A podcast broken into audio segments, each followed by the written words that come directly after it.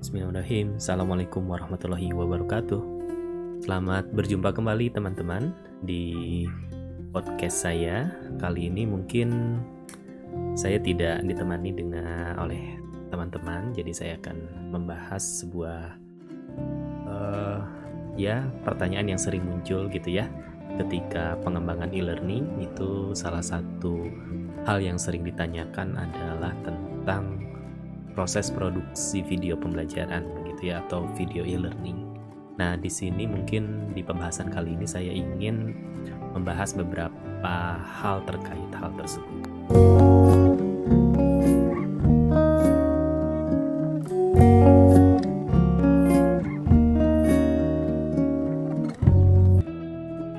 Ya, uh, biasanya memang ketika pengembangan e-learning, langkah pertama biasanya berbicara masalah platformnya gitu ya, learning management systemnya atau aplikasinya lah begitu.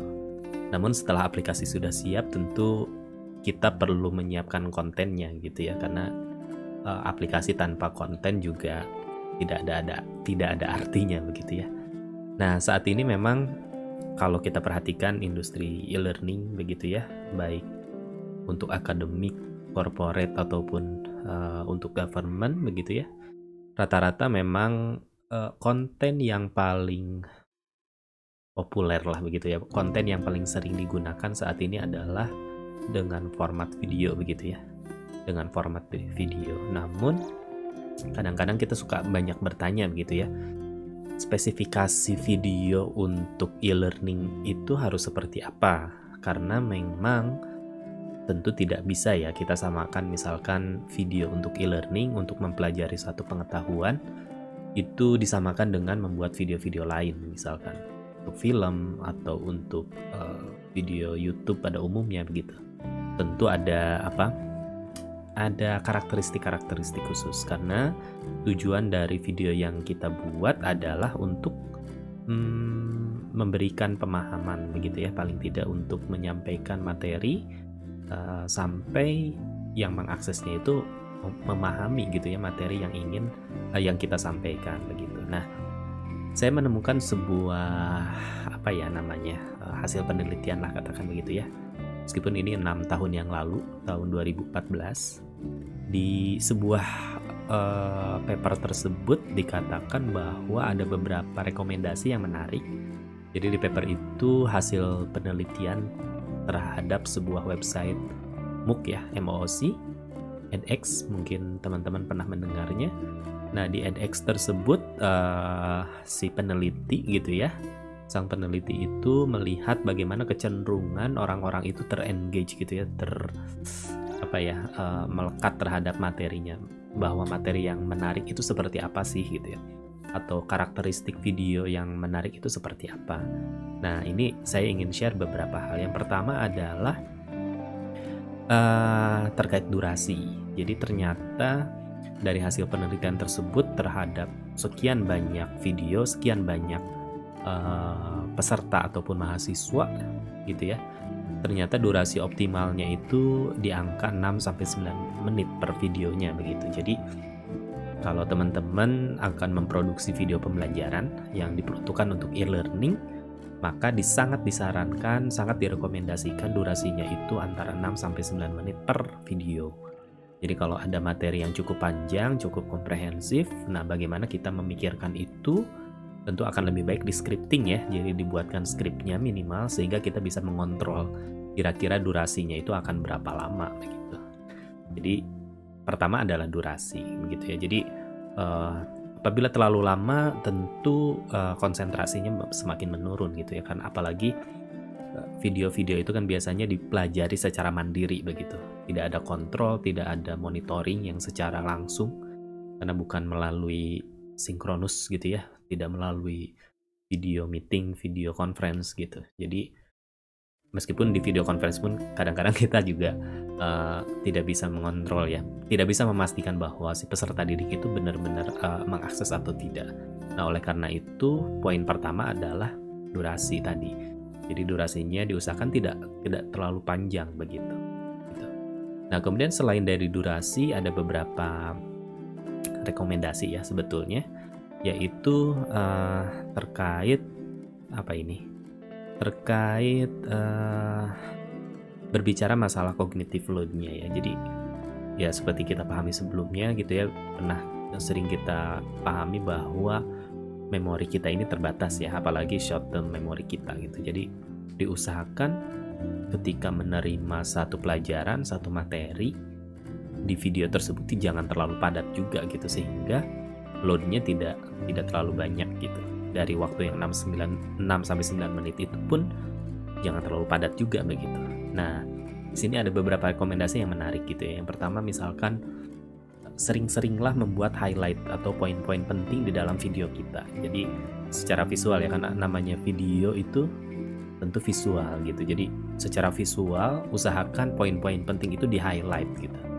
Di highlight apakah dibedakan warnanya, uh, ukurannya lebih besar misalkan untuk poin-poin pentingnya gitu ya. Kalau yang ditampilkan di dalam layar videonya. Yang kedua adalah membagi segmen. Jadi uh, tadi kita punya satu materi kita bagi segmen jadi berapa video sih nantinya gitu ataupun apabila memang videonya panjang misalkan kita sudah uh, bagi segmennya segmen 1 2 3 4 sehingga durasinya nggak kepanjangan uh, secara secara kognitif loadnya tidak tidak terlalu besar gitu. Yang ketiga adalah simplicity simplicity ini berbicara masalah visual juga begitu ya jadi usahakan gambar yang dimunculkan itu juga jangan terlalu kompleks begitu ya jangan terlalu kompleks jadi usahakanlah mirip seperti kan biasanya kita ada tips untuk menyusun ataupun mendesain slide presentasi lah gitu ya. Nah, salah satunya kan biasanya yang dibahas adalah jangan terlalu banyak teks misalkan gitu ya. Jadi simplicity. Kemudian yang ke, yang yang keempat berbicara masalah kognitif load adalah usahakan uh, buat gambar yang dinamis gitu ya. Jadi sebanyak mungkin gambar berubah di dalam video kita.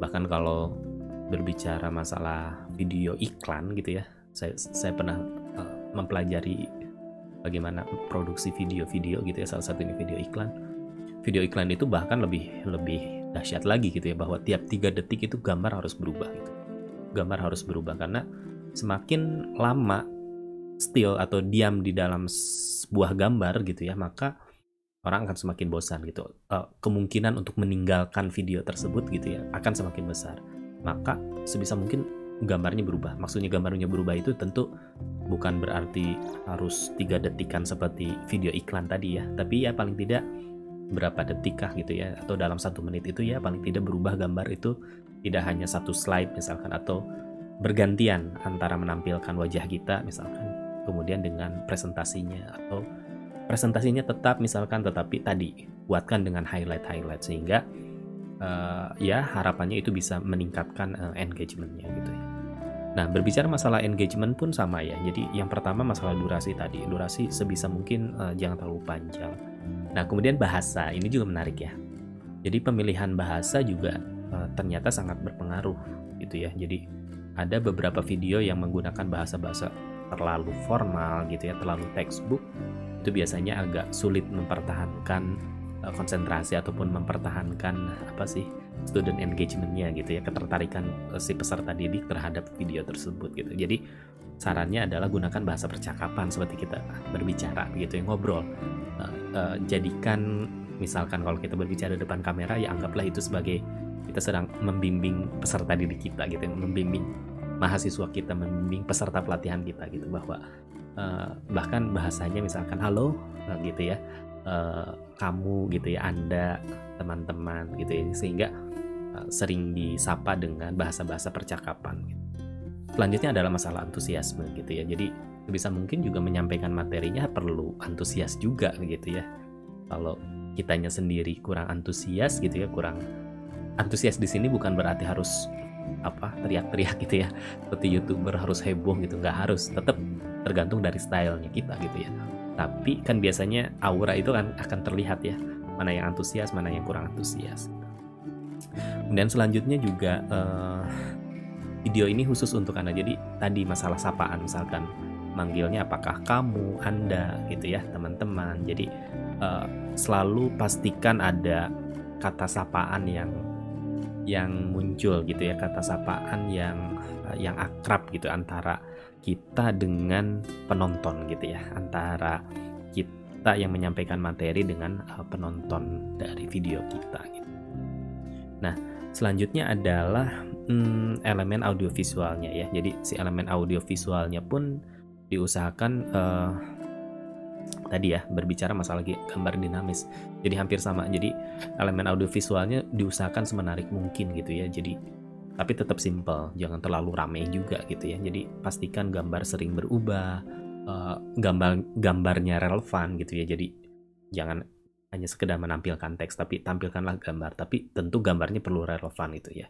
Jadi kalau gambarnya tidak relevan tidak ada artinya sih biasanya begitu. Jadi tetap harus gambarnya relevan Kemudian selanjutnya uh, supaya menimbulkan aktif gitu ya bahwa si peserta itu merasa terlibat di dalam video tersebut.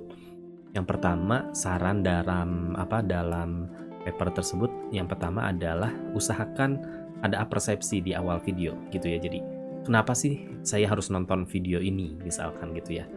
Sang, sangat disarankan misalkan dihubungkan dengan kehidupan sehari-hari kah atau ada kasus kah, ada kita ambil dari media massa misalkan gitu ya, dari berita nah itu tentu akan sangat uh, besar gitu ya pengaruhnya.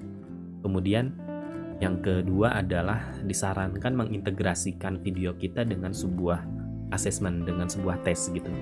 Jadi misalkan di akhir video kita sampaikan bahwa oke okay, eh, setelah menonton setelah Anda coba pelajari, Anda pahami silahkan Anda coba selesaikan permasalahan ini gitu ya studi kasus ini. Nah itu tentu akan sangat ber, sangat sangat berpengaruh gitu ya dibandingkan hanya menyampaikan materi selesai begitu.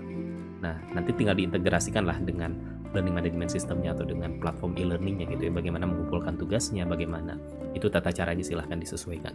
Tapi di dalam videonya itu sangat disarankan untuk ada keterhubungan antara si video dengan aktivitas pembelajaran lanjutan yang harus dilakukan gitu selanjutnya juga ya hampir sama gitu ya jadi diusahakan apalagi kalau mata kuliah-mata kuliah atau pelatihan-pelatihan yang sifatnya itu berbasis project atau produk gitu ya hasil gitu menghasilkan sesuatu sebisa mungkin kita kita create milestone gitu. Jadi misalkan kalau perkuliahan ada 14 kali pertemuan sampai UTS itu produknya sampai mana? Sampai UAS itu produknya sampai final tentunya. Nah si video-video yang kita buat itu itu akan mendukung terhadap milestone-milestone dari project yang sedang dikerjakan oleh peserta didik tadi gitu. Itu akan sangat berpengaruh bahwa si video ini benar-benar akan ditonton. Video ini tentu akan sangat dibutuhkan untuk menyelesaikan si project tersebut gitu. Jadi uh, hal itu yang perlu kita perhatikan ya supaya video-video yang kita buat itu memiliki impact yang besar gitu ya terhadap pembelajaran kita gitu ya, pembelajaran yang kita create di dalam kelas-kelas uh, daring kita gitu. Oke, itu saja mungkin ya untuk obrolan singkat kali ini di podcast kali ini. Meskipun sendiri mudah-mudahan uh, masih bisa disimak begitu ya. Tipsnya tadi mulai dari durasi, bagaimana menciptakan engagementnya dari mulai kata sapaan, bah pemilihan bahasa, dan terakhir adalah uh, supaya aktif gitu ya, agar peserta terlibat aktif di dalam pembelajaran maka sangat disarankan tadi misalkan diintegrasikan dengan tes, dengan tugas besar atau project misalkan begitu. Itu tentu si video-video kita akan memiliki nilai ataupun uh, istilahnya apa student student engagementnya ya student engage, engagementnya tentu itu akan lebih baik gitu ya dibandingkan dengan uh, video-video uh, yang lain. Oke. Okay? Mungkin nanti kita akan melanjutkan pembahasan-pembahasan yang serupa tentang video pembelajaran ini di podcast-podcast berikutnya. Terima kasih, sampai jumpa. Assalamualaikum warahmatullahi wabarakatuh.